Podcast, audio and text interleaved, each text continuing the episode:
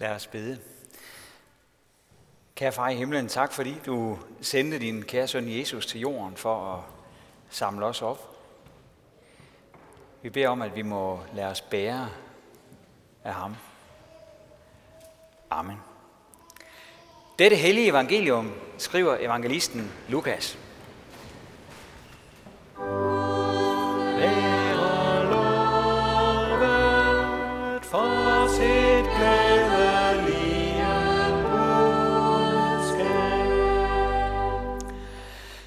Så vendte Jesus sig til disciplene og sagde til dem alene, Salige er de øjne, som har set det, I ser. For jeg siger jer, mange profeter og konger har ønsket at se det, I ser, og fik det ikke at se. Og at høre det, I hører, og fik det ikke at høre. Der rejste en lovkyndig sig, og ville sætte Jesus på prøve, og spurgte ham, Mester, hvad skal jeg gøre for at arve evigt liv? Han sagde til ham, hvad står der i loven? Hvad læser du der?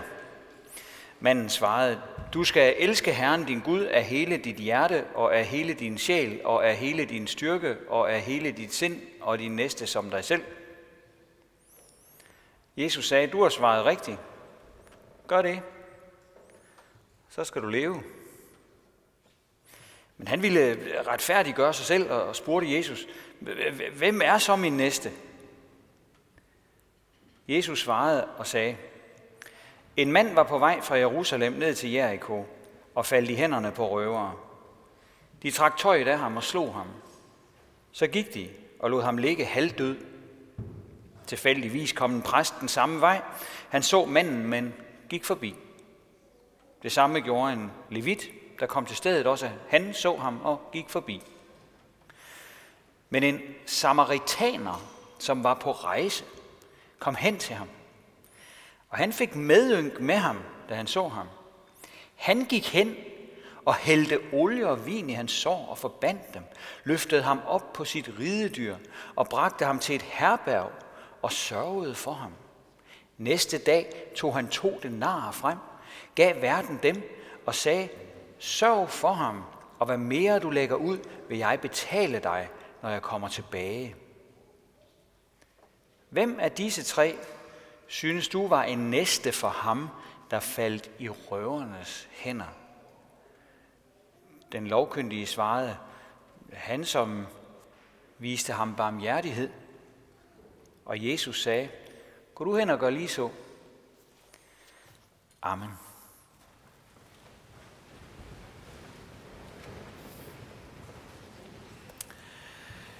Jais Nielsen var en verdenskendt dansk keramiker.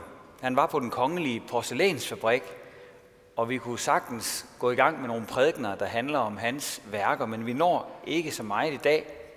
Dog skal vi se en af hans klassikere her. Det er hans udgave af Den barmhjertige samaritaner. Sådan har vi vist aldrig set samaritaner, når den stakkels mand afbildet i en børnebibel eller eller andre steder. Jeg har valgt at gøre samaritaneren til en stor, stærk, velnæret mand med en ordentlig hat på og et stort skæg. Han tager nærmest den anden på skødet, kan vi se. Og ham, der bliver hjulpet, er en lille spirvip. Han ser meget barnlig ud. Han ligger næsten som et flaskebarn og sutter lystigt på vandflasken med lukkede øjne, mens han helt saligt gnider sig i hænderne. Jeg synes godt, man kan sige, at den figur er en slags drilsk gengivelse af dagens lignelse. Og måske rammer det dagens tekst ganske godt, for den er der også noget drilsk over. Der er en professor, der har kaldt historien om den barmhjertige samaritaner for et meget svært stykke undervisning, der på overfladen ser meget let ud. Historien er jo nem nok at forstå, i dag er en af de gode søndage at have børnekirke, siger vi. For det er ikke spor svært at forstå, at samaritaneren gjorde det rigtige. Han hjalp den sårede mand. De andre gjorde det forkerte og gik bare forbi. Det er det rigtige at hjælpe andre, det kan børnene sagtens se, det kan man sagtens forklare dem. Så selve historien er egentlig nem nok at forstå. Det bliver straks sværere, når vi skal til at forstå den ind i sammenhængen. Altså forstå, hvad det er, Jesus vil med at fortælle den her historie i den samtale, som han har gang i. Og her kan vi faktisk gå hen og misforstå det hele fuldstændig. I Ny Testamente siger Jesus igen og igen, at det eneste, der kan frelse et menneske, er, at vi tror på ham. Vi hørte det samme i nogle af læsningerne i dag. Han har været på korset for os. Han er opstået for os. Han har gjort alt, hvad der skal til, for at vi kan blive forsonede med Gud og få evigt liv. Han har betalt hele prisen, for at vi kan være i stue med Gud igen. Han har taget vores sønder med sig op på korsets træ, og så har han betalt for dem der. Men i dag siger han så til en mand, der spørger efter det evige liv, at han skal gøre ligesom samaritaneren. Går du hen og gør lige så, siger han. Hvordan hænger det sammen?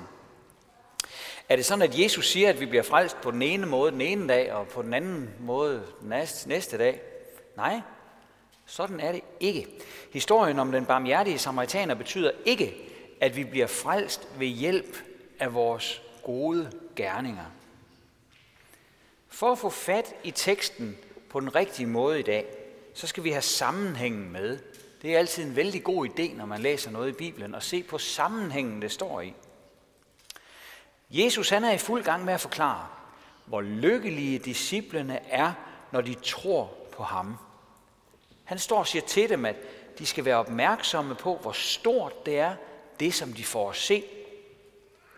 Men så er der en skriftklog, en lovekspert, der bryder ind.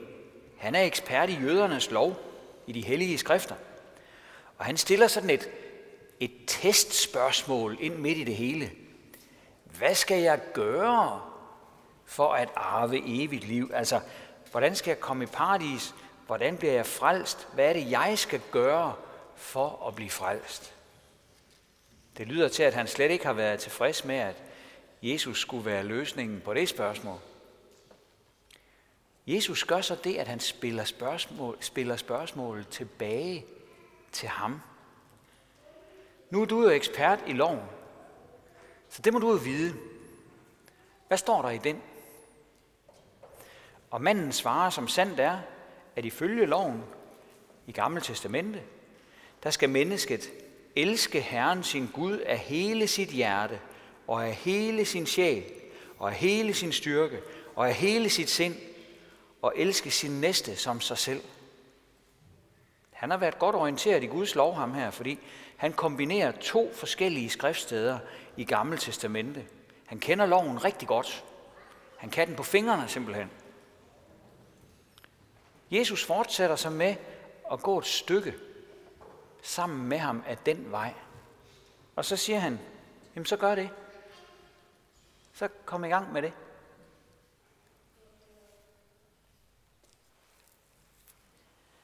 Her er det så, at det begynder at stramme til for den lovkyndige mand. For han kan godt nok loven udenad. Han kan den på fingrene. Men han har måske også en fornemmelse af, at det er lettere sagt end gjort. Det der med at elske Gud og andre mennesker helt og udelt, og uden den mindste snært af egoisme eller ufuldkommenhed. Det kunne han jo så bare have sagt til Jesus. Så kunne han jo bare have sagt, jamen altså Jesus, jeg kan ikke. Hvad i alverden skal jeg så gøre? Jeg, jeg kan ikke. Jeg kan ikke leve op til det. Men det gør han ikke. Ham her, han vil i stedet retfærdiggøre sig, står der. Han vil retfærdiggøre sig. Hvad betyder det? Det betyder, at han vil prøve at give sig selv en slags dispensation fra det, Gud kræver. Han prøver, om ikke han kan finde en slags kattelem øh, til sig selv for sit eget vedkommende, så han ikke øh, bare kommer til at fremstå som en, der kender loven, men ikke kan opfylde den. Det tror jeg faktisk er meget øh, menneskeligt, det her. Jeg tror, det er, er noget, som vi alle sammen går og gør en gang imellem.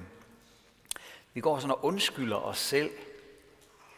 Øh, der står jo i Bibelen, at, at, at vi skal gøre øh, sådan og sådan, men øh, det kan jo ikke kræve så mig. Altså, der er jo gode grunde til, at, at, at jeg ikke falder ind under det. Øh, og derfor sænker jeg baren lidt for, min, for mit eget vedkommende. Det kan jo heller ikke være meningen, at jeg skal stå sådan helt uh, splitter nøgen over for, for Guds krav. Øh, vi må kunne finde en eller anden form for kompromis, Gud og mig, så jeg kan leve mit liv, som jeg plejer, og så beholde skinnen på næsen. Det, det må, vi må kunne finde en ordning. Sådan tror jeg, sådan tror jeg tit, vi, vi går og tænker bevidst eller ubevidst. Vi har en fantastisk evne til at, at gøre Guds lov overkommelig. Hvis vi skal elske vores næste med alt, hvad vi er og har, så må det være fint at sende en 100 kroner seddel til nødhjælp. Øh, hvis vi skal elske Gud helt uden grænser, så må det være fint, at vi sender ham en venlig tanke en gang imellem. Og så videre, og så videre. Og sådan tænkte den lovkyndige også. Han ville retfærdiggøre sig, og så spurgte han, for ligesom at holde kravet lidt ude i strakt arm, øh, hvem er så min næste? Og det var jo et opfindsomt træk. Det diskuterede man allerede rigtig meget dengang. Hvis min næste er alle mulige mennesker på min vej, så bliver det virkelig svært. Men hvis nu min næste for eksempel kun er min allernærmeste familie, øh, så bliver det måske ikke nemt, men det bliver i hvert fald øh, mere overskueligt, mere overkommelig. Og jeg har da øh, passet på mine børn, og jeg slår da heller ikke min kone, og jeg er da heller ikke værre end naboen, så, så må ikke, må ikke vi kan finde en, en ordning. Her er det så, Jesus fortæller den her historie, som vi synes er så let at forstå. Historien om voldsofferet, der får hjælp. En historie om loveksperter, der ser den anden vej og går forbi, og så om en, der hjælper fra en fuldstændig uventet kant. Lad os lige se på, øh, på hovedpersonen, når Jesus lader en samaritaner spille hovedrollen i sin historie. Så var det vanvittigt provokerende. Jøderne, de simpelthen havde samaritanerne. De var ligefrem med i en af jødernes faste daglige bønder. Her bad de om, at samaritanerne ikke måtte få del i det evige liv. Tak for kaffe. Det bad de om hver dag. Altså at samaritanerne ikke måtte få det, som den lovkyndige lige havde spurgt Jesus om. Det var ganske normal øh, praksis. Så hold da op, hvor har det bare været svært at høre på den historie for den jødiske lovekspert. Jesus kunne ikke have sat den historie mere vanvittigt op, end han gjorde. Ved at lade den forhatte type være helten. Og det er ikke tilfældigt. For her er der et hint til de lovkyndige jøder, der havde Jesus selv. Jøderne kaldte faktisk Jesus for en samaritaner, som et skældsord. De sagde, har vi ikke ret i at sige, at du er en samaritaner og besat af en dæmon? Det er Johannes evangelie kapitel 8. Det var det absolut værste, man kunne finde på at kalde nogen. Øh, nu fortæller Jesus så en historie om en jøde, der bliver hjulpet af den værste, jøden kunne forestille sig. Han bliver reddet af en, som han hader af hele sit hjerte, og hele sin sjæl, og hele sin styrke, og hele sit sind. Han bliver reddet af en type som Jesus. Og Jesus giver ham endnu flere hints. Samaritaneren fik medynk med ham, fortæller han i sin historie. I Ny Testamentet der bliver det udtryk kun brugt om Jesus. Det er simpelthen en særlig egenskab ved Jesus, at han har medynk med mennesker. Og det var den medynk, den empati, der fik ham til at skride til handling igen og igen. Jesus han giver også et tredje vink med en vognstang. For han slutter sin historie med at vende spørgsmålet øh, om, som blev stillet. Altså vende det om på hovedet. Han sagde ikke, hvem var redningsmandens næste. Men i stedet så sagde han, hvem, eller spurgte han, hvem er disse tre, synes du var en næste for ham, der faldt i røvernes hænder? Så Jesus han peger på sig selv i den her historie, uden at sige det direkte. Han siger, at det var en samaritaner, der hjalp, og han blev selv kaldt en samaritaner. Han siger, at han fik medynk med manden, og det var et nøgleord, når man beskrev ham selv. Og så spurgte han den lovkyndige, hvem der var en næste for ham, i stedet for at fortælle ham, hvem han skulle være en næste for. Så på den måde vendte han rollerne om. Og det er de her observationer, som vi skal holde fast i, når vi hører evangeliet i dag. Det hele lød så utrolig simpelt. Vi skal bare gøre nogle gode gerninger. Men det handler om meget mere. Ja, det handler meget mere om, at der er en anden, der har gjort den allerstørste gerning for os.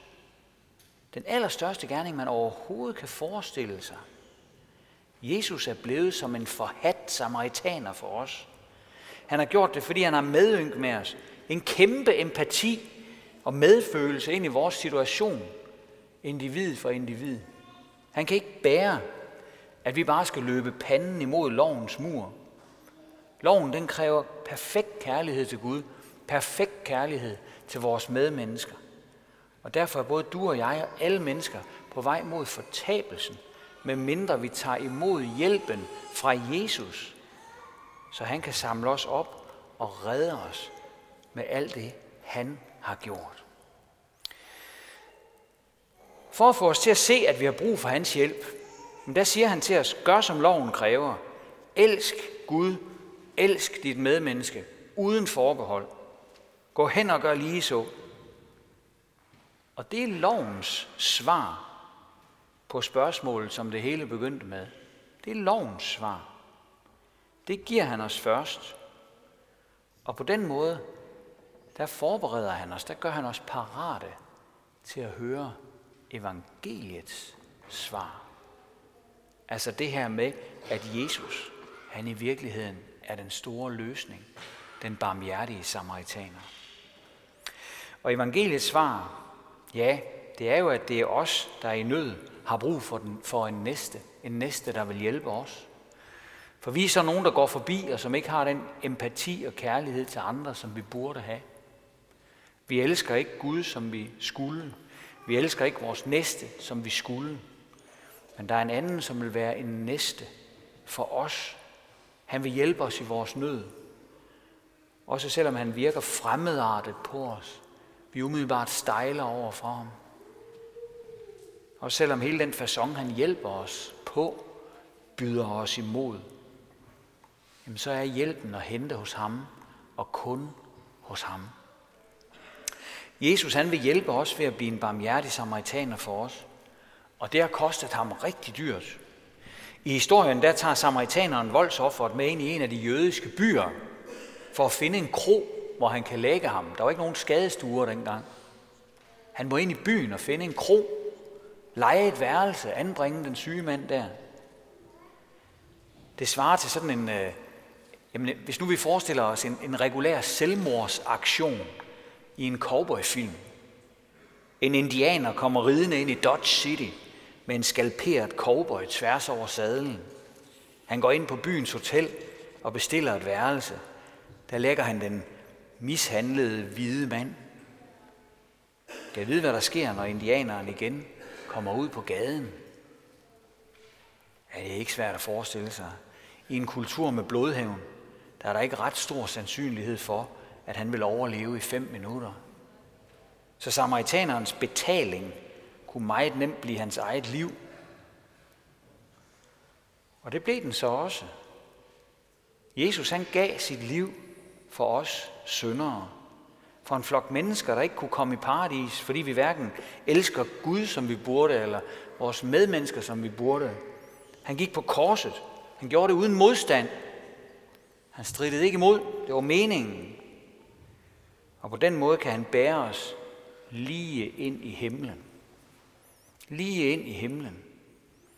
For han har betalt for os. Han har taget alle omkostningerne. Han er den store og stærke. Og vi er spirvipperne.